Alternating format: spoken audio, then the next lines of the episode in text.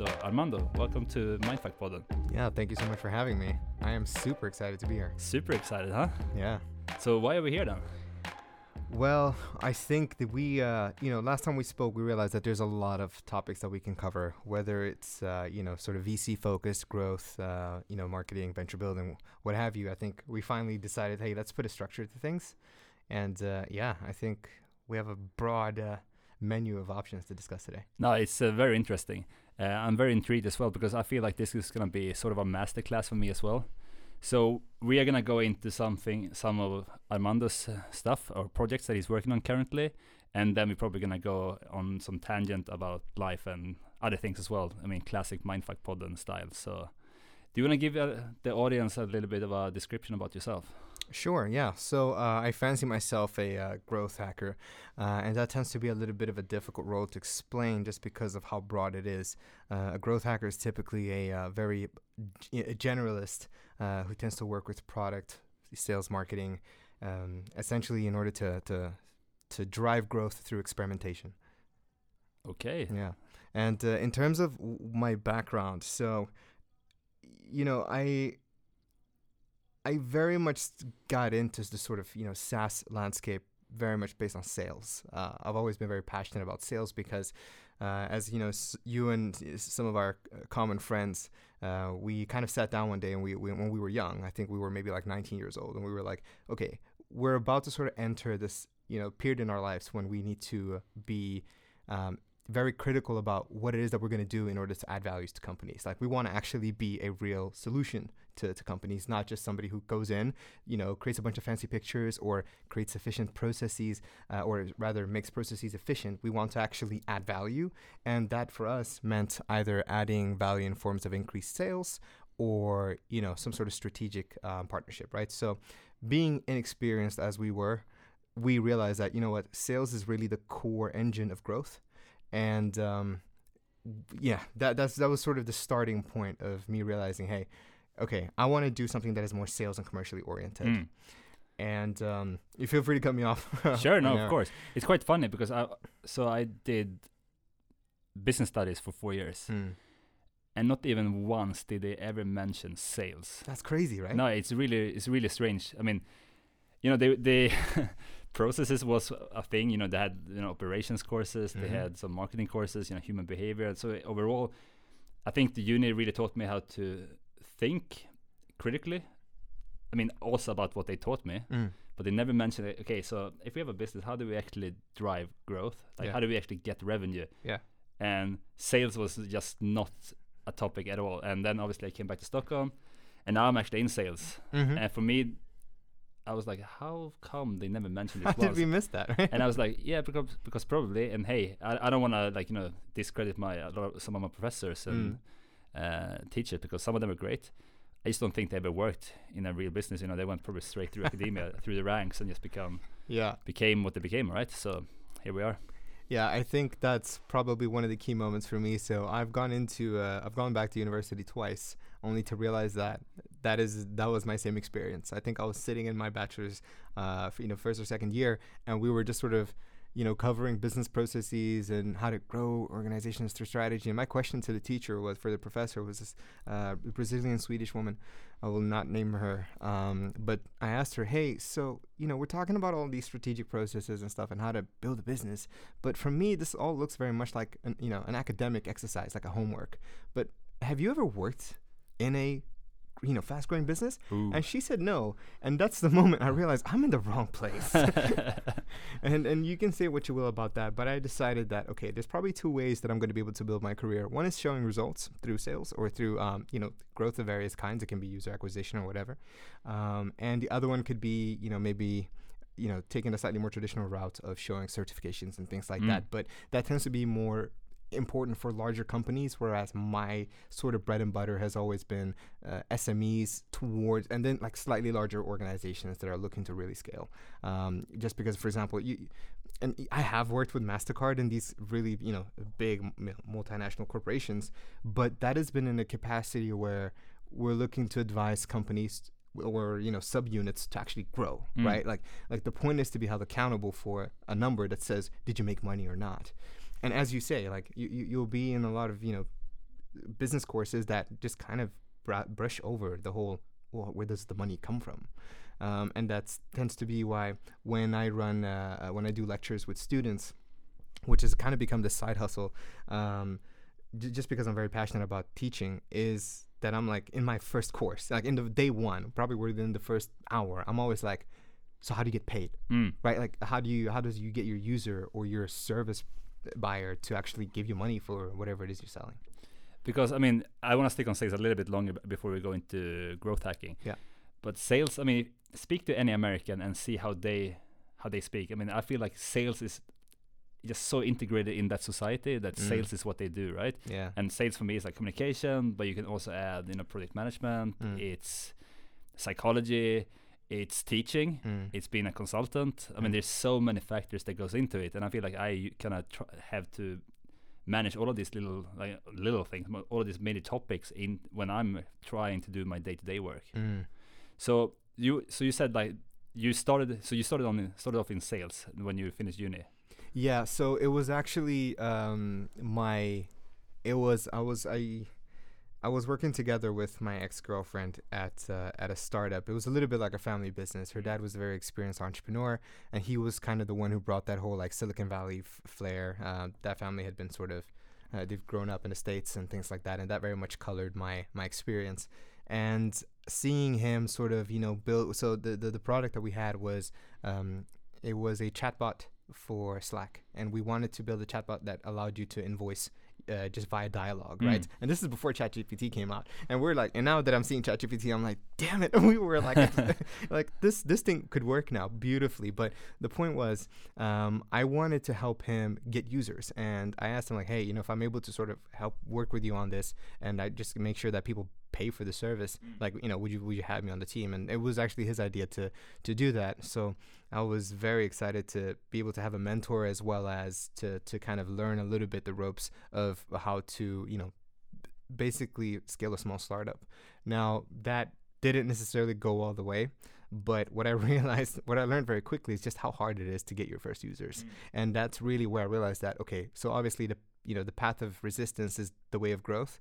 And I don't mean like growth in terms of growth hacking, but just in terms of personal growth. And that's what I realized that, okay, this is the hardest thing I could possibly imagine. So that's what I want to do.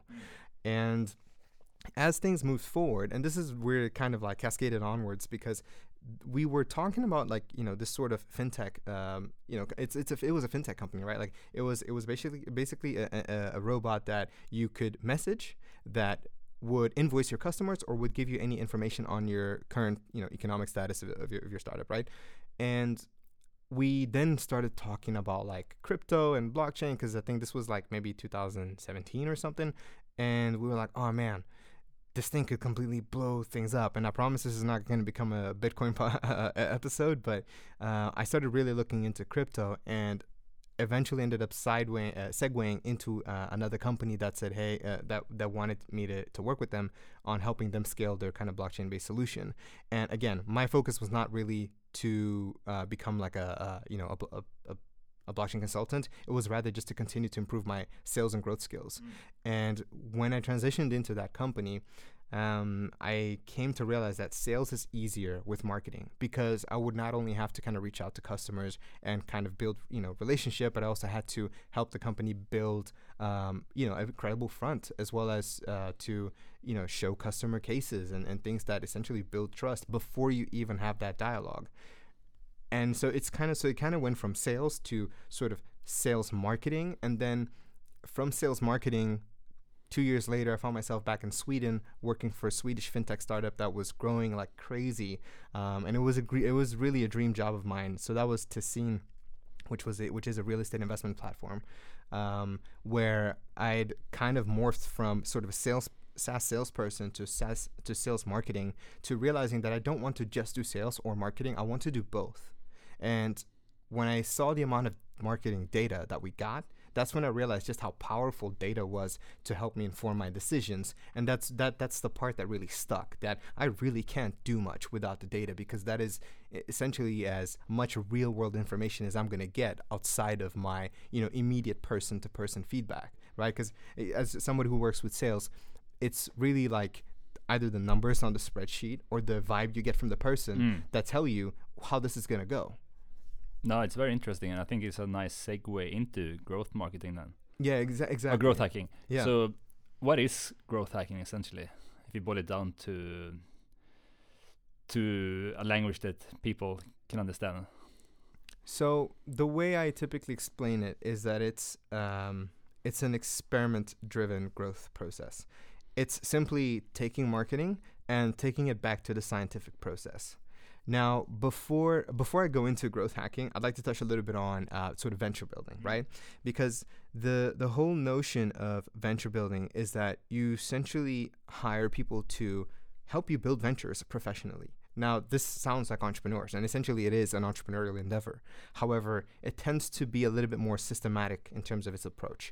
So, for us, and or specifically for me and, and my partners, I am the sort of more marketing oriented uh, professional, and my process for growing the marketing operations and commercial operations is the growth hacking process, right? So, as a venture builder, the system I, I deploy is the growth hacking process, right? So that's just to give some context there.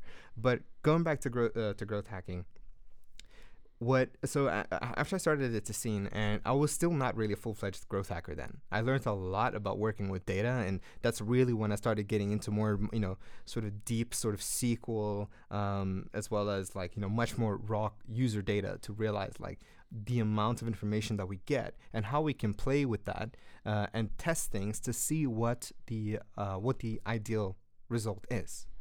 Now, over time, at the at the time, I didn't really have like a process, right? Where we would just we would do things and then we would see what the number said. Now that's great, and I would say that that's probably more than what a lot of companies really do because ultimately, what the numbers told us is how we would then sort of adjust our approach and build further. But as as I, as we were kind of proceeding, and as uh, and as COVID hit, I found myself having to find a new opportunity, and that's when I really started uh, going back to reading on the th- uh, reading the things that I was like, you know what, I love working with sales, marketing, and I love data, but there's got to be a process. Like there's got to be a system that en- enables me to use this more s- effectively and systemically in such a way that I can actually um, create order, right? So that's when I realized, wait, I have a copy of Sean Ellis's Growth Hacking. And I'd read it as a marketer or as a salesperson, but it didn't really hit me that this was an act- actually a process.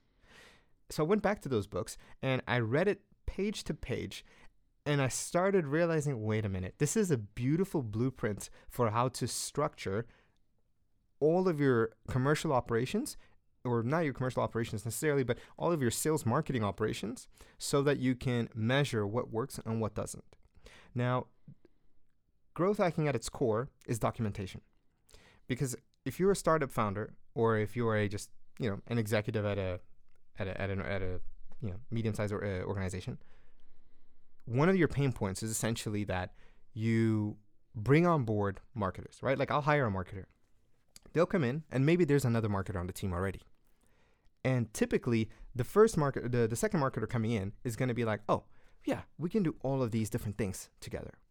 But those ideas are typically not unique, right? Like best practices tend to be, well, they tend to be, you know, the same Mm. uh, in a lot of areas, right? Like if you're a good salesperson, you kind of tend to, you know, not reinvent the wheel. So a lot of the activities that they will do will be the same as maybe the first marketer has already done or a former employee usually. And then that means that you've then spent months or weeks just onboarding a new marketer who's going to be doing or salesperson who's going to be doing the same things you have already done. That is super costly and it's a huge waste of time. So what you actually need is documentation. You need information inside of the company that says this is what we know. This is the knowledge that we've built. And that's the beautiful that, that to me is really my favorite part about organizations is that it is essentially a vehicle for building knowledge that we can then store and then when the, somebody else comes in, they can partake in that knowledge and realize, "Oh, this is what we've tried. This is what works. This is what fails. Now let's not, now let's just build on that." Right? So if I get a new hire tomorrow, or I will actually. So we have we have a new hire coming in, and she starts in April. Her first job is going to be to just read through the growth hacking documentation that I've made, so that she knows what works and what doesn't work. then she ca- then basically uh, I will have saved her you know months of trial and error and us a bunch of you know unnecessarily uh, paid out salaries just to for her to uh, essentially do what we've already done because now she can take that knowledge and build and like build on that. Now i've know i've kind of ranted on that for a little bit but the point is the purpose of all the activities we do is so that we can learn fast. Because the faster we learn and the more we know about our user and as well as our market it's directly correlated to how much money that our company brings in interesting so when you're speaking about the documentation that you that you look at, mm. is that the documentation from the startup you're working with? Yeah. So so to to give more uh, context there, so in in my case, right, as a as a venture builder, I have two, three, four different customers, right. And what they will do is they will bring me in as a fractional CMO, which means that I'm going to lead their marketing orga- sales marketing organization. And what that will mean is that I'm going to put in a structure, meaning a set of meetings and a process for how we're going to document and do sales marketing activities. So let's say we decide, okay, we're going to go after these, uh, you know, this market share or these types of customers.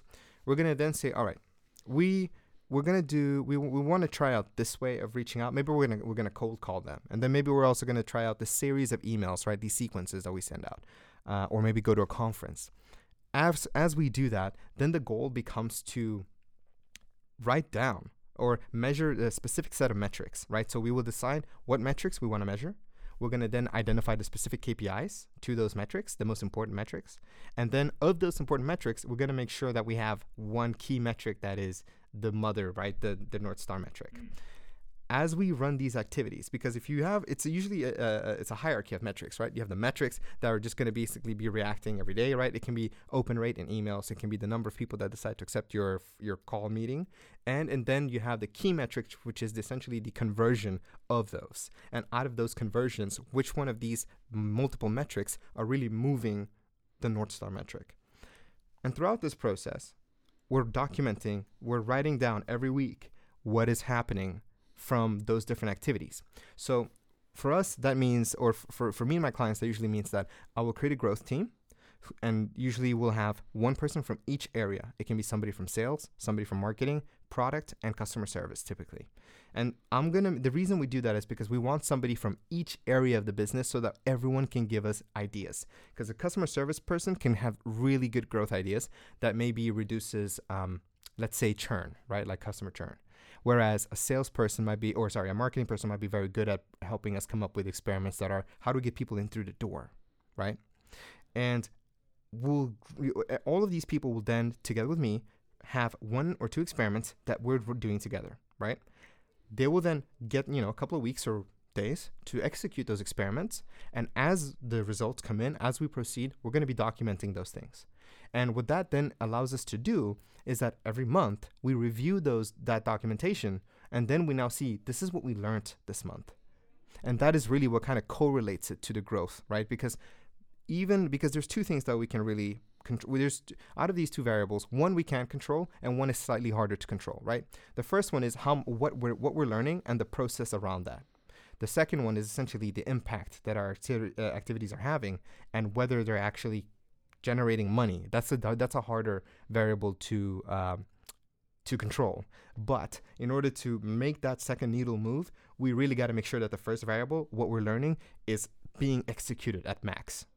So to to to basically summarize all of that, we tend to put together a growth uh, a a diverse growth uh, growth team, which then is focuses on executing as many experiments as possible with specific metrics that we track, and then we then want to make sure that we are learning as much as possible by reviewing that documentation. And then becomes the work of spreading the word, right? So I find myself preaching mm. what it is we're learning, sharing the data, and that becomes another thing, right? So essentially, when you when you when you as a growth hacker or venture builder leave the company, let's say, you I guess your goal is to put up put in place a, a, working framework and also for them to maybe like take up take upon the the test themselves to to reiterate what you essentially built in the first place or like put in put in place for them. A hundred percent. And the the way, yeah. So I think you really you hit the nail on the head there, which is that I'm trying to create a process, and I usually joke around and say that I'm the adult in the room, where my job is just to make sure that we're doing these couple of things again and again every day, and I'm just holding us accountable to them. Um, if if I get hit by a bus tomorrow, then I need to make sure that my clients have all of the information that we've been doing up to date, right? That's usually the way I see it because the truth is, and this is unromantic, but it's the truth, we're all replaceable in a company. And our responsibility to the companies that we work for is to make sure that we are able to do a good handoff. And in my case, I take it as far as in the case of death, right? Where I'm able to make sure that that documentation is in there um, for somebody else to walk in and just take it and run with it. So it's not like I mean I, I haven't worked as a consultant, but I've heard the stories that they come in, you pay a shitload of money for them, Uh huh. they give you they I mean they work on a case, they hand they have a presentation, leave maybe a PowerPoint, and then they just leave. And then they leave, yeah. Do you have any follow-ups with the company as well that you worked with? You know, so it's it's it's a great uh, it's a good that you bring up that example because so I used to work for a management consulting firm where we had management consultants. They come in, you know, they do the market analysis and all of that stuff, and essentially the deliverable is typically a PowerPoint and a presentation that says what the opportunities are in the market, and then then there needs to be follow up, right? Because then the board is like, cool, yeah, we see this opportunity. Now what? now somebody needs to do it. And that's where my growth team would then come in, or my uh, venture building team would come in, where we would then come in and actually now do the work, right? So as a, as a strategic consultant, you can come in and you can make these promises like, hey, this is where you need to go. This is where um, you can actually win market share, or this, these are the companies that you should acquire. And now somebody actually needs to do the work for that. And that's where somebody who kind of has, you know, more entrepreneurial experience can come in and say, hey, all right, cool. Now we need to put these processes in place and we need to add this sort of framework for how we're going to actually operate. And that's what the like the the growth hacking framework is. I mean, and is this something that is common, uh, commonly commonly utilized by startups to bring in people like you to help them? No, I would say it's probably not because we're so enamored with being an entrepreneur and you know, uh, at least to my knowledge, every time I mention, I, I, I explain that I'm a venture builder, and typically the way I explain it is that uh, I'm a consultant for investors most of the time, more so than directly to the to the CEO, CEOs, because you know, with the VCs will typically have a portfolio of companies, and you know, if you're a VC, most of the time, most of your companies are not uh, absolutely killing it, right? It's um, the, the power law sort of stating that you know you kind of have one or two companies that kind of give you the majority of the return, right? So that leaves a bunch of other companies that essentially need help to grow. And they may not necessarily be bad companies at all. They could be really good companies that just haven't yet figured out how to do that. And what I will typically do is I will look at that portfolio of companies and I'll say, okay, these companies here have um, real growth opportunity. All they need is a better process. And then I'm going to sort of step in there as either a fractional CMO or just a part time um, you know advisor to help bring it, put in that process kind of to help them structure their sales marketing um, and the reason specifically sales marketing needs or marketing uh, even more so needs to kind of be reined in is because it's very easy to overspend on marketing and it can quickly become your largest uh, expense per department Mm. Interesting. Uh, I listened to a podcast recently Mm. with um I can't remember his name. He he was a partner of uh, Sequoia for 25 years. Okay.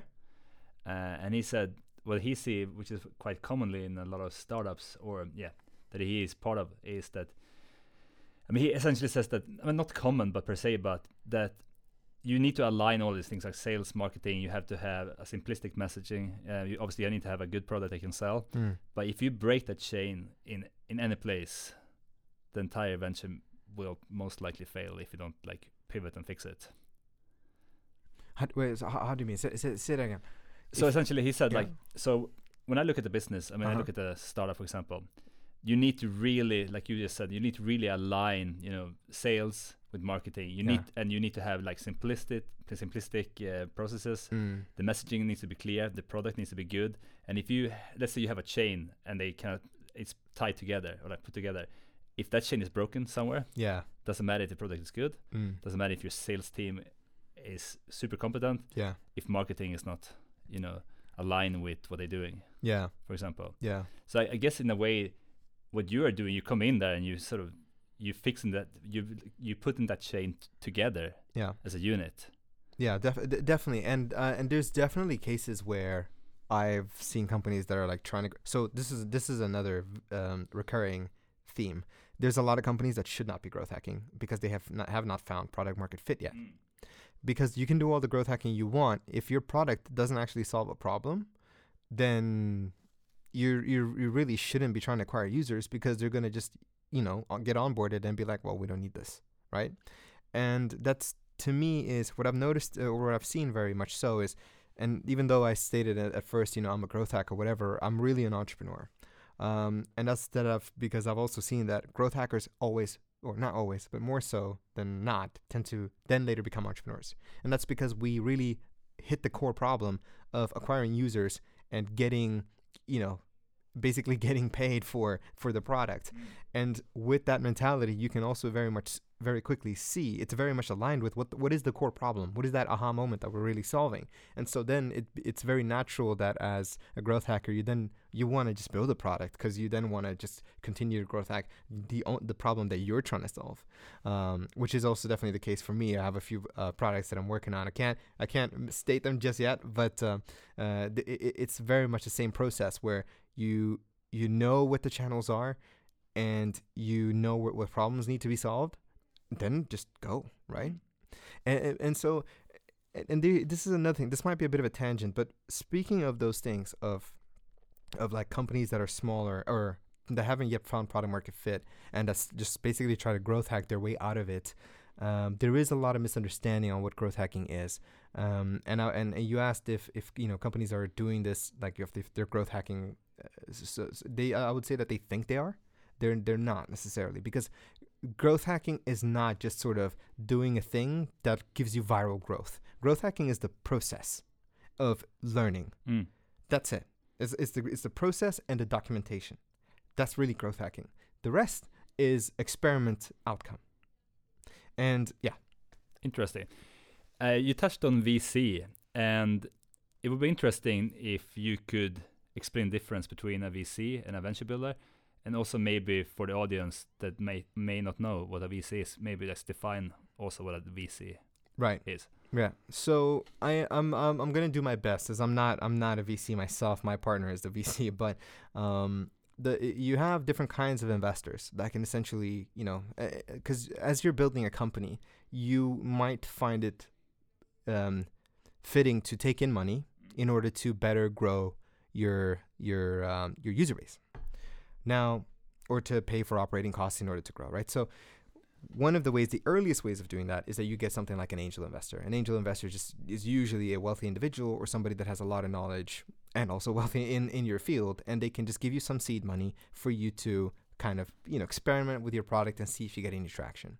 A VC is much more is a is, is a is typically you know a collection of of uh, limited partners who then have a fund in which they invest um, in in, in, st- in startups or early stage companies. They don't invest in later stage companies. They invest in small companies that are very high risk and, and are expecting, you know, an outsized reward, like something that is going to give them, you know, a, hundred x or you know minimum. That's really what, what a venture capital w- would be expecting. They're not they're not in it for five ten percent growth. If you as, an, as a VC are investing, in, if I invest in your co- company on, and I and you only grow like if you only double the next year, and then I like over in, you know over the five next five years, then that's not necessarily a good investment from my part. So that's what a VC would be doing. They they're really expecting you to like you know hundred x your company.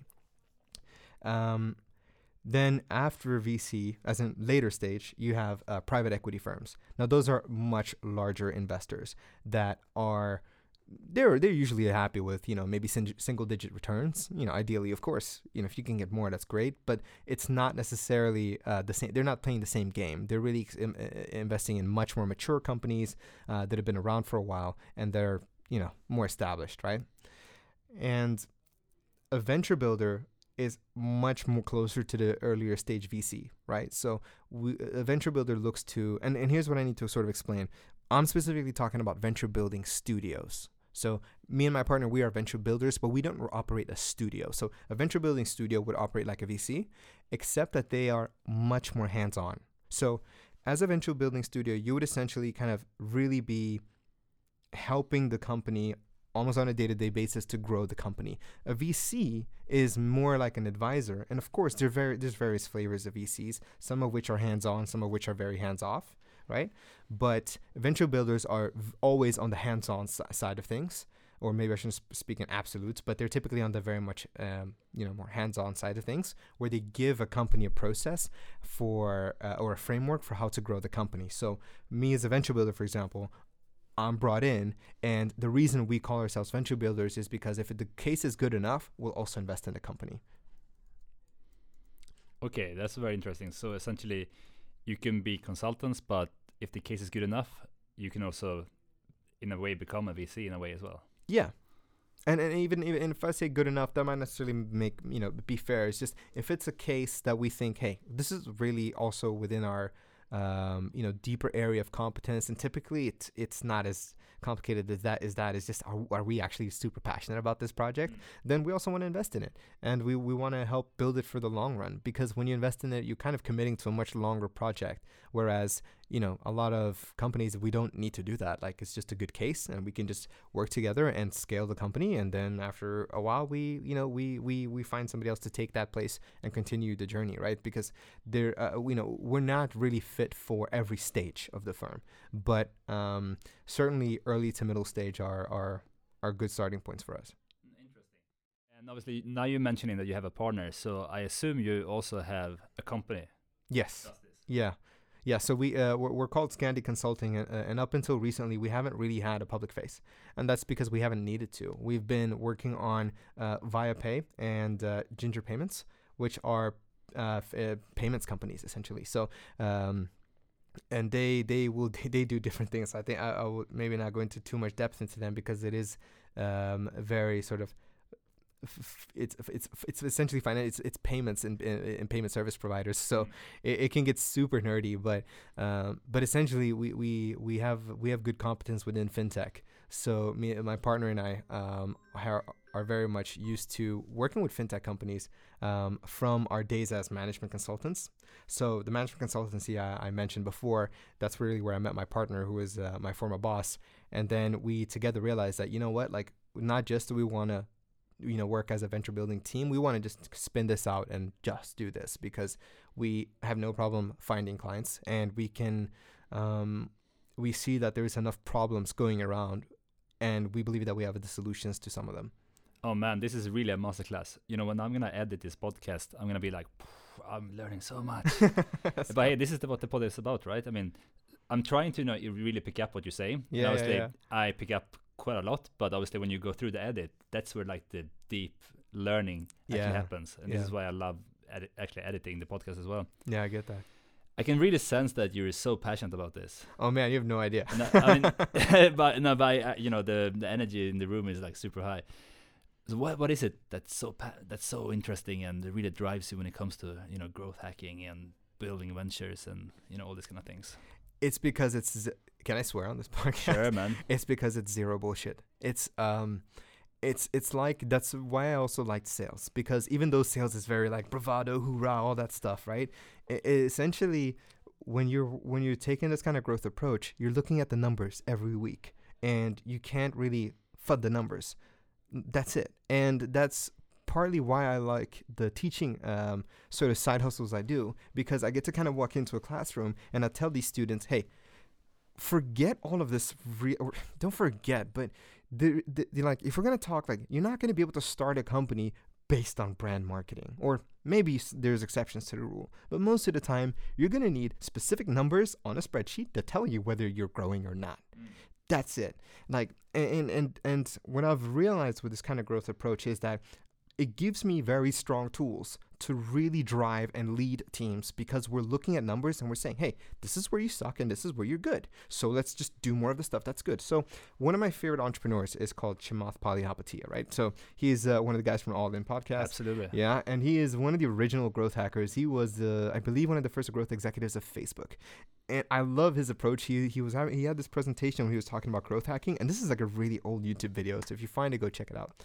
But the guy was basically just standing there saying, you know, people think that we had all of this like super fancy you know, backroom deals with the government of how we got these like first billion users. Because bear in mind, this is like 2009, right? Like getting a billion users was freaking massive, right? Or the first 100 million users, even. It's just insane, unheard of. And he was like, we just did very simple things. We tried some shit, we measured some shit, and just we just did more of the stuff that worked. And I was like, that's it. like I remember watching that presentation, I was like, that's it. Like I don't want to sit and flut around. I want to just do the stuff that works and do less of the stuff that doesn't work. And usually both have equal value because if you stop doing the stuff that doesn't work, you stop wasting money. Mm, I feel like that's a tip that anyone can apply in so many le- so many different areas of life, right? Trust me, and I do. Yeah, Yeah. I, I growth hack my training. I do. I, I apply data to almost everything I do. Um, when and when I was sing, uh, I'm not gonna say this. I don't know if I was gonna say that. When I was when I was single, I was even like A/B testing dates. hey, why not, man? hey, you know, if you're single, go for it. Like, just play around, experiment. I'm sure you're not the only guy that has a Excel spreadsheet. that is exactly.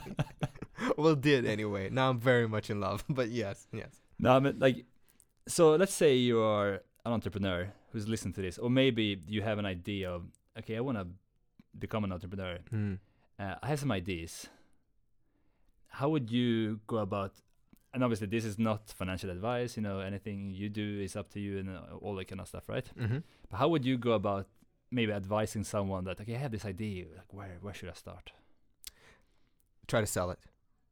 Like this, this, this is my favorite part. I love this question because, uh, like, for example, I sit down with with like students or customers, and they're like, "We have a new idea, a community product idea," and I'm like, "That's great. Pick up the phone and sell it, or email and sell it. If you don't get traction there, or even better, get a face to face, and see if they give you money for it. That's it.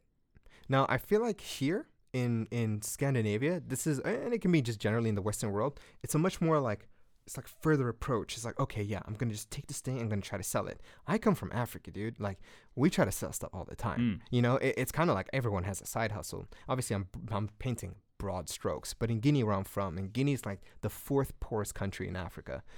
You know, everyone has a side hustle almost. Even my my mom has a side hustle. You know, we're, and we're all just trying to like see where we can solve problems and if somebody's willing to pay for them.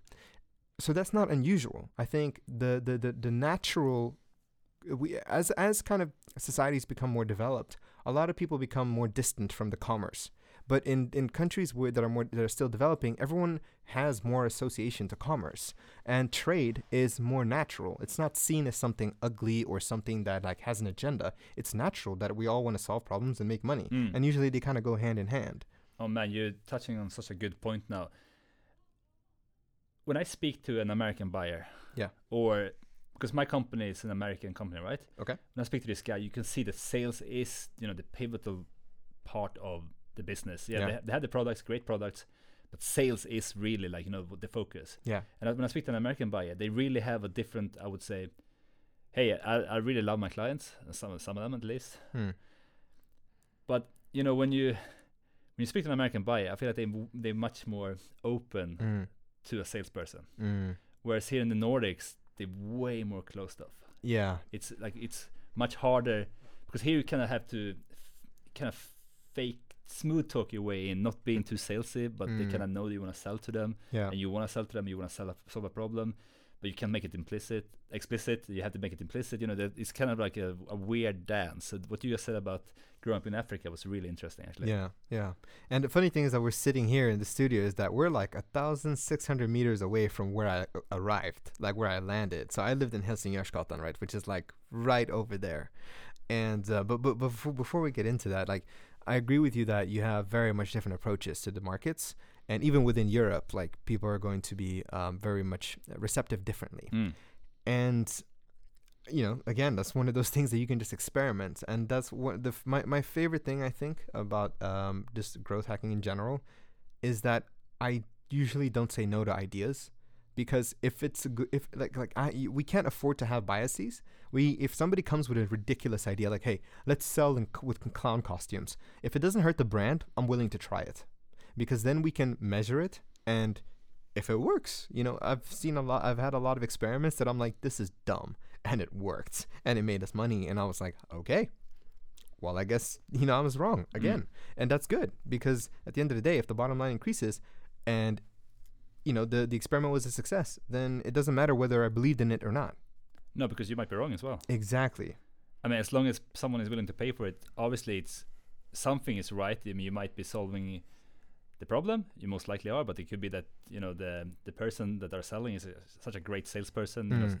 that he could he or she could be essentially be labeled as a snake salesman Mm. if it's a bad product, Mm. or you know what you know what I mean. There's Yeah, I know so- what you mean, There's yeah. so many layers to it, right? Yeah.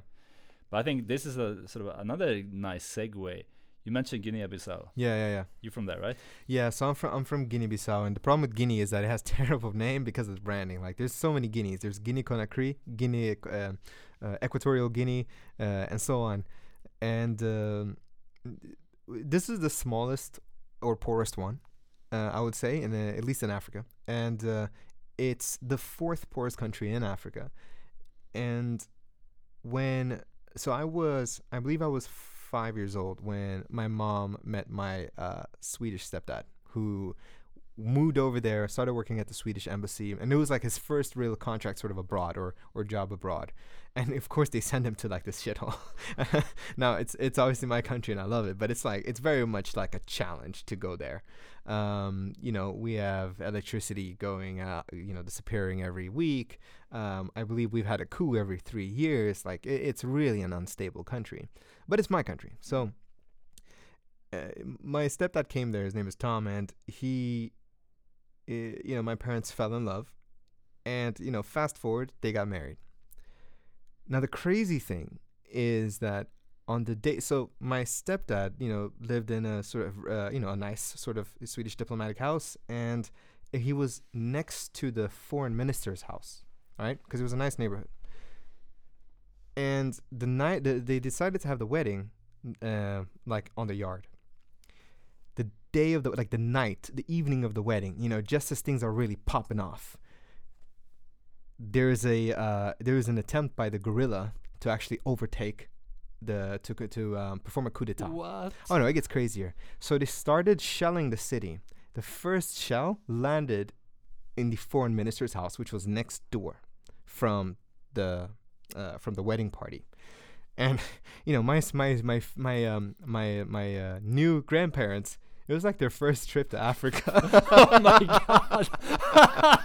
as well as my aunt. And you know, they get there, they're gonna celebrate like their, you know, brother and son's wedding. And then it's like, you know, day two, it's like you all, all of your fears about Africa just come true and things just start blowing up. And, you know, of course it was, it was a tragedy and, and, and people actually um, got killed. And I think the first person that died in that conflict was the general that was at, at the wedding. Oh, that's wild. Yeah, and uh, yeah, you can look this up. This is the uh, this is the uh, the conflict of '99 in Guinea-Bissau. You can uh, so uh, they were trying to depose, I believe. Uh, you know what? I'm just not gonna name name any presidential Sure. names. Yeah, um, but yeah, so that was crazy, and we had to uh, obviously evacuate the wedding, um, and you know we had to stay inside uh, while there was continuous bombardment for days. Um, and I remember we were uh, you know, sort of taking cover underneath this flight of stairs, and then eventually getting um, evacuated. And like, we got on a car, and my new stepdad was like driving through the freaking city, and they weren't supposed to shell because there was supposed to be like a, a, a ceasefire, right? Which the, the UN and the, the you know the the guerrillas had uh, had had agreed upon, uh, and they still shelled even though there was like supposed to be a, a an evacuation corridor. So we were driving through the city to get to the port. We get to the port, and then we had to hide in the containers because there was more shelling. And um, that's when uh, I- got on the the UN. Uh, uh, the UN uh, boat to go to Senegal with my grandparents, but my, my mom and dad had to stay because my uh, my stepdad had to evacuate the people from the Swedish embassy. So yeah, man, Swedish diplomats are hardcore. You wouldn't believe. Oh man. So how how old were you at this time? I was uh, five or six. And how do you think the like growing up in Guinea-Bissau has like um, shaped your life? I mean, tremendously. I'm so grateful to be in Sweden. Like, it's a country of 1.5 million people. Even like mathematically speaking, it's just like I shouldn't even be here. Mm. So I find it. I I feel like I really want to take every opportunity I get being here, and the funny thing is, I feel very Swedish as much as I feel very s- uh, Guinean. And I've kept going to Guinea and I've maintained that part of, of my life uh, intact. And uh, it's it's the you know because the thing is because my stepdad worked for the Swedish embassy, we would after we came back and things settled down, we got established here. So as I mentioned, we we ended up having to move in because you know my dad wasn't really prepared to all of a sudden have a whole you know family, as in me and my mom, to kind of support. So we ended up moving in here to Kista, um, where we were living for a couple of years until he was sort of able to kind of uh, get another um, mission out to another country. So one day he sits us down and he goes like, "Hey, should we go to Angola?" and so and this happens recurringly for a couple of years where it's like every three four years he comes with a new pitch like hey there's a new opportunity to go work in, in Angola. Then it was Nicaragua. Then it was Cambodia. So we went to, to, we've lived in a lot of different places. And because I sort of always did that with my uh, stepdad, uh, you know, he, he's literally there representing Sweden. So I very much became not just obviously here in Sweden colored by the Swedish culture, but seeing how he does in really representing Sweden abroad. So I've always felt this responsibility of showing just how an amazing of a country it is and explaining it to my friends at international schools. It's so fascinating. I think what you're saying now is it's so it's so easy to take things for granted that you're living in Sweden, but also you know finding the faults with the system, right? Because yeah. obviously a lot of people, if you if you only live there, maybe you've seen like there's been some changes, yeah, in you know in culture, demographics, and whatnot, right? Mm. But we're obviously doing a, a, lot of great things abroad, and obviously if if this if you're a stepdad or dad wouldn't be in Guinea-Bissau, you wouldn't be here talking to me, right? Exactly. And yeah. I mean, hacking the shit out of startups. Yeah, helping them to grow. exactly. Exactly. Yeah. No, I mean, S- Sweden is just incredible, and I and I I, I, I actually feel that every day when I grow up. And I've gotten really nerdy about Swedish history and all of that stuff. And, and I think, you know, it's easy to kind of take it for granted just because we have a couple of months of, you know, lack of sun. But that's when I really start to nerd out the history because, man, Sweden, and like, you, you, you try to. S- Sweden is really uh, amazing for not just company growth, but also we get a lot of back. Like, look, I am not. Um, let me put it this way: I'm not very much left leaning. Um, nor am I really right leaning, but what I can say is we get a lot of bang for our government money. Mm. Like, y- you can say what you will about government incompetence, whether it's the current or, or, or, former government, but we get a lot of bang for our social security here. And that does a lot in fostering innovation and so on. I mean, we even have Norwegian, um, you know, millionaires and billionaires coming here in order to foster innovation because, you know, they're getting taxed like crazy over there in, that's a very interesting point. I think it's a it's a message I needed to hear, and I'm cer- I'm certain other people needed to hear that mm. as well. I do think we can even do more innovation in Sweden. Yeah. If if let's just talk about crypto for a little bit. I mean, I was mm-hmm. mention it. Mm-hmm. Obviously, I think being being so anti-crypto as, for example, the European Union is, right? Yeah. I think that's more of an hindrance that than a good thing. I think like you know obviously, I mean, yeah, sure, they're, they're afraid of a new technology. I mean, they probably are afraid of the people are going to put in too much money in it, you know, lose money. Mm. They might lose their monopoly on money. I mean, who knows what's going to happen, right? Yeah. I just feel like they should be a little bit more open to things like that because that's just going to drive even more innovation. And if, I mean, if people, companies, and let's say the public domain work together, right? Yeah. I mean, who knows how great Sweden can be? I mean, the, y- yeah, I agree with you in that um, we need to foster innovation and we have to create sandboxes for that innovation to thrive. However, it's also their job to be conservative because, you know, guys like me are pulling to the other way. We're trying to, you know, move fast and break shit, and we do break things, and that is the that is also part of the problem. So we we do need those conservative guys in the room to be like, whoa, whoa, whoa, let's take it easy. And the reason especially when it comes to crypto, is because it is real innovation. It poses a real systemic um, challenge to a central bank. If you think about that for a second. For example, now, this is a perfect uh, topic to discuss now, considering the latest weeks of bank failures, right? But Bitcoin is up for now, for example, because it's a hedge against well it's a it's it's uh, the, the reaction of that it could be debated but let's put it this way bitcoin is a hedge against the central bank that is a massive position to take. And if that thing actually becomes, or it is a threat, but if you imagine from a, the state's point of view, that is a massive threat You cannot have your currency challenged. Of course, yeah. right? So then that me as a government, that means I need to shut that down. Mm. From if you are the governor, right? You you need to shut that down. You can't have alternative currencies because then what are you going to trade on? I mean, that's why I love podcasting because obviously uh, it's easy to sit in your room and, and hold certain uh, ideas, right? And really believe strongly in something. And I still believe that, for example, crypto could be a great uh, equalizer for a lot of people, right? But I also respect your opinion that yeah, we need to maybe have something that maybe puts a stop. I mean, a f- that puts down the brake and like you know, Mhm. hey guys, like you know, it's a threat to uh, the sys- system and yeah, no, it's an interesting, it's an interesting viewpoint, man. Yeah, That's why I love doing this. yeah, I get it. Me, me too. And and uh, I think you know. All right, so I think maybe I, if if I'm to clarify, obviously you can trade in in multiple assets and currencies. But what I find very intriguing, because uh, having spent some time uh, with blockchain consultants, is this notion of private money, which is you know th- there there was this period of time when oh, let me see if I'm remembering correctly.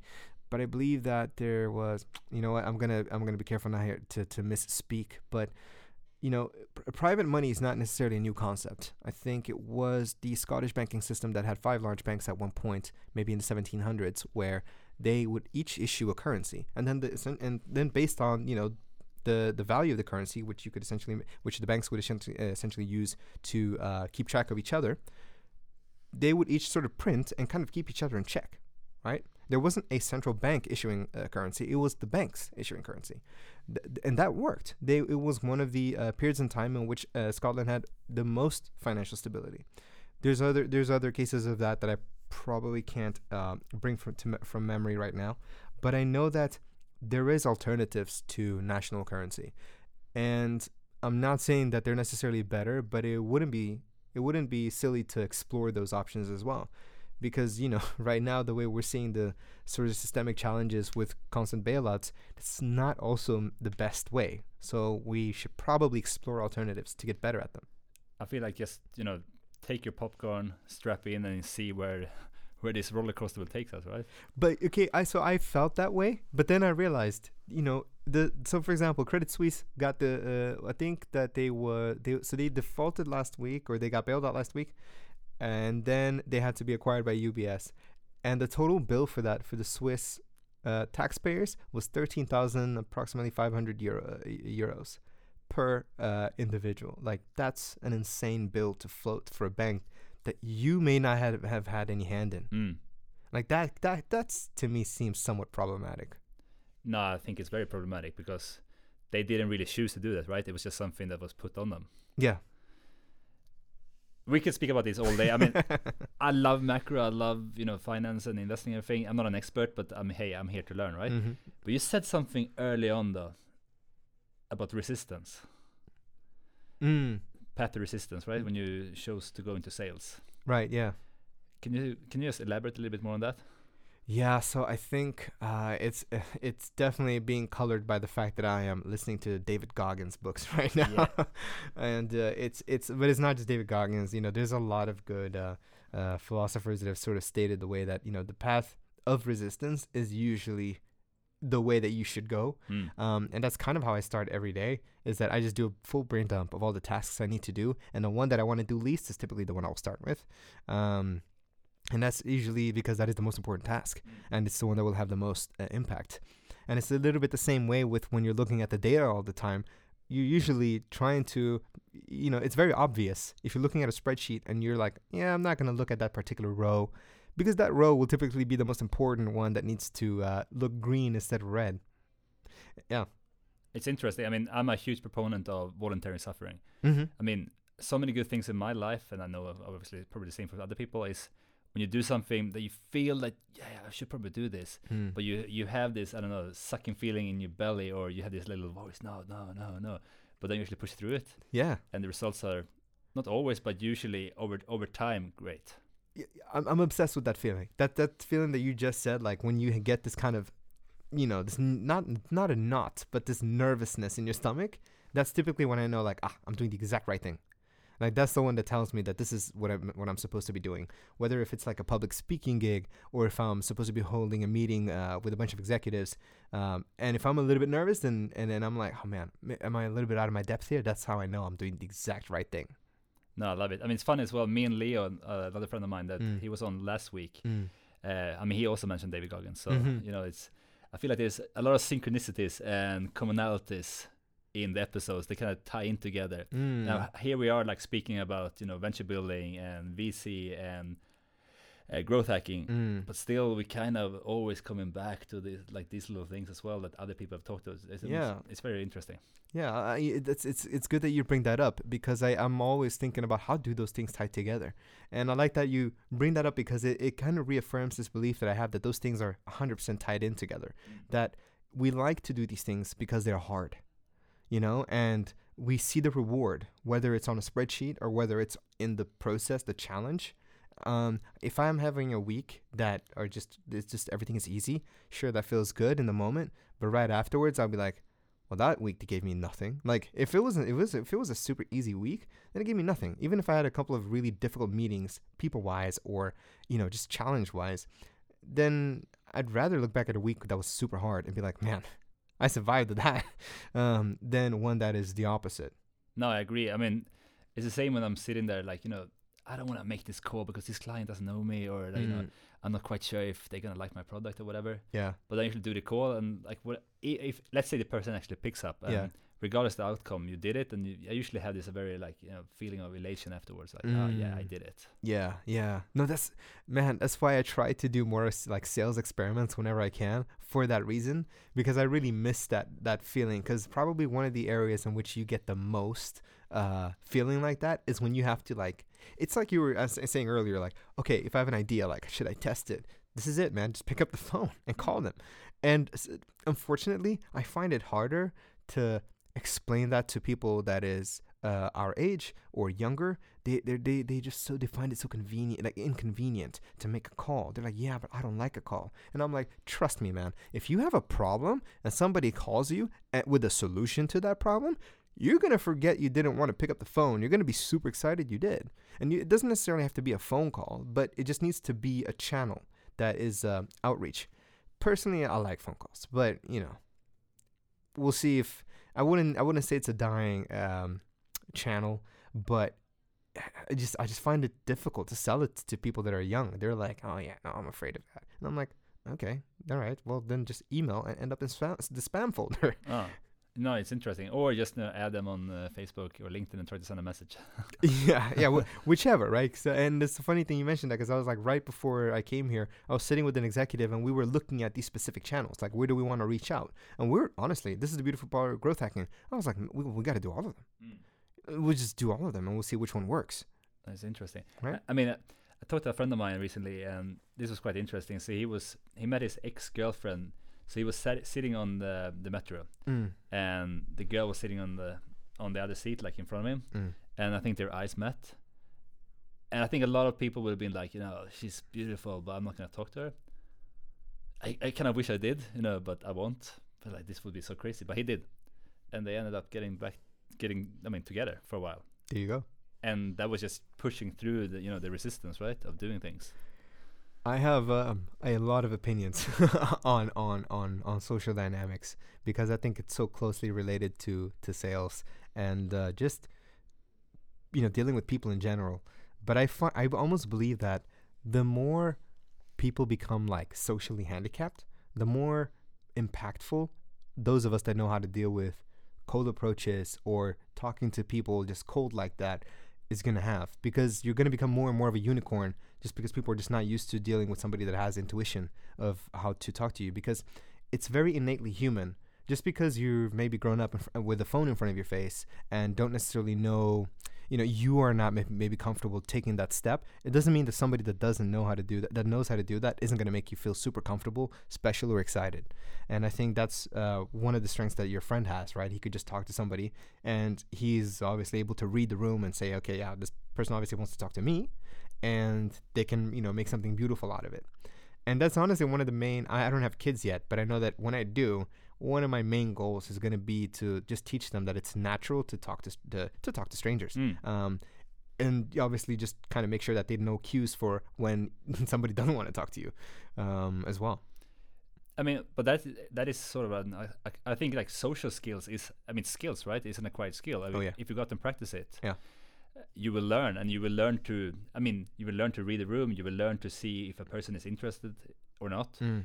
You will also like learn to face rejections, Yeah. which is super important. Mm. And it's you know these things are so transferable as well. If you if you do it in one area, it's gonna be easy to do it in, in a different area as well. And you know, it's just. Um, I don't know. It's just a transferable skill that you can use in so many ways. I totally agree with you. Totally agree with you. And and and it's I think I've um, I've learned I'm working on new skills right now. Um, and this is the good thing about having other people in your in your surroundings that are not you that can tell you, you know, maybe you should try this a little bit more. Um, and I've found recently that being a lot softer because I've I've always been kind of like the very excited, sort of outgoing person in the room and now that I'm also sort of you know that I've been building very a lot of competence in one area and I'm knowledgeable in my field, it can be intimidating for some people. I've come to realize, and that's been not relative, not very new, but still like new enough for me to now have to realize that maybe I need to sort of help, you know, be a little bit softer in my approach. Um, that's been mainly with students and you know people that are very young and things like that. But uh, I've come to realize that like taking a very nice approach Mm. is super helpful because like bear in mind right? So just just to just to end this rant real quick have you noticed that when you talk to like okay this is gonna sound terrible but like you know elderly people they're usually very nice. Yeah. like like unless they're like you know super bitter then they'll be very nice to you. And it's almost like don't talk to me like i'm a child you know? Right? But I I get it. They, they because i've come to realize it's so easy to hurt people's feelings just by being direct or maybe overlooking or maybe you speak over them and things like that um, but i've noticed that just being very kind in, in terms of your approach to people has just opened so many doors because people need that like there's life is so difficult already that we need to really take that kind of kind approach to each other because we're so tired of having to be defensive all day Mm. right No, it's a very good point. Yeah. And also, like, if you are being met by someone or talking to someone that you might be impressed about, impressed about, like Yeah. you might find her beautiful or whatever it is, right? Mm, mm. But if you take, like you said, a softer approach, that person will receive that in a in a much nicer way as well, right? So you're starting off on a very good sort of starting point immediately. Whereas if you go in aggressive, you might scare people off. You you know, I mean, yeah, the energy might just not sync, But if you like, you know, kind of like try to boil it down a little bit. Yeah, that was my uh, initial challenge when I had first started working with growth uh, because I loved saying, look, let's look at the data. Okay, if you suck, it's gonna say right there, and that was that worked for some people. Um, the reason I did that is because so this goes a little bit back to my own upbringing. So I went to school both here in Sweden and in international schools in uh, in other countries. These other countries, the school system there was a lot more brutal. The school system here in relation to for international schools abroad is very very nice to you right? Here we i don't even know if we get grades anymore. I think it's like you get feedback Mm. but you don't you're not given a fail. Um, but in the schools i went to the first time i went abroad with my stepdad when we went to angola i think i was in like eight uh, i was uh, uh, eight, i was in sixth grade. Every week they would print out your grades based on last week's performance and put it in front of the school so you would arrive there Monday morning with your buddies, and it would say, you know, and we'd be looking for each other's names. We'd be like, "Hey, Pierre, you got to work up those math grades, man." and that, like, you know, from for a Swedish kid, for me at the time, that was terrifying, yeah, man. I can- I can understand. All of my weaknesses got put up on display, and I wasn't used to that. For the first month of school, I hated it, and then I realized there's no way to go but up, and it was also extra helpful because my friends started noticing, hey, you need some help with your English, because at the time I didn't speak English uh, that well, and they were like, man, you need some help with your English here, and they would help me because they saw what my weaknesses were. This is the exact same thing with growth hacking because we're looking at the data and we're saying this is where we can improve each other. You know, I think there's like you know, th- if you get, I mean, obviously there's a pendulum, right? If you go if you go too harsh, hundred percent, yeah, it doesn't work. yeah, If you go too soft, it doesn't work. yeah, You have to find that kind of like balance between those two because sometimes you have to be a bit like you know upfront and direct, right? I think obviously, I think honestly, I think honesty is always a good thing, right? Yeah. Just don't try to sugarcoat things. Say Mm. it as, as it is, and then Mm. obviously you kind of have to like you know maybe take a different approach to depending on the person you talk to, and Mm. obviously sometimes you're in a in a bad mood and maybe it comes out harshly, and then maybe you kind of have to like you know okay I was a bit har- too harsh here and whatever. But I think it's just a, a scale, and you cannot you, you don't want to be on you know either either end of the, on that scale basically. Mm, mm. No, I, I hear you. That's been my that's that was my challenge, right? Trying to figure out like not going off too hard, as well as maybe not being too soft. So I think I found a sweet spot right now. I think I'm still struggling sometimes, but hey, we're here to learn. Yeah. Hey, that's Am- true. Armando, it's been great. I think we have unfortunately to wrap up. I feel like we Mhm. can do this way longer. we could do this all day. Yeah. for sure. Before we before we leave though, I just want to like you know ask you, do you have any like, is there anything you want to like you know give the audience maybe like you know a YouTube talk, a book, any like you know any resources that you want to share with the people listening? Oof. Um. So I think in terms of growth, which is like if you want something that is like very pragmatic, I would honestly just search for growth frameworks because they are they are existing systems that you could um, read about. But you just need to sort of understand that in order to deploy them, you would actually need um, someone's experience to do that. But understanding how the system works allows you to just understand that having a very basic scientific approach to your sales marketing is really the way to um, ensure that you are learning fast. And at the end of the day, if whatever you're doing just allows you to learn fast, it could it could it could be enough. So any books or people that you want to plug? I mean, yeah, definitely Chamath Palihapitiya, always giving him a shout. Um, Sean Ellis, of course, the you know classic growth hacker, and I think that's a good place to start. And I, I also want to plug Chamath because if you're really into, let's say, business, uh, investing, uh, I would say honest conversations. I mean, they bring in some politics. You should definitely check out uh, All In Podcast. Yeah, yeah, yeah, for sure. Definitely one of my favorites. Ah, it's really good. Okay, Armando, thank you so much for coming. So you just listen to the first English episode of um, Mindfuck Podden.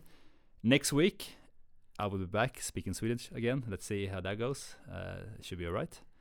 And I'm sure, I'm positive that this podcast will predominantly be in Swedish, but sometimes I will mix in some English because there's a lot of people out there who has a lot of things to say that I'm interested in. Yeah. So thank you, Armando. Tackar.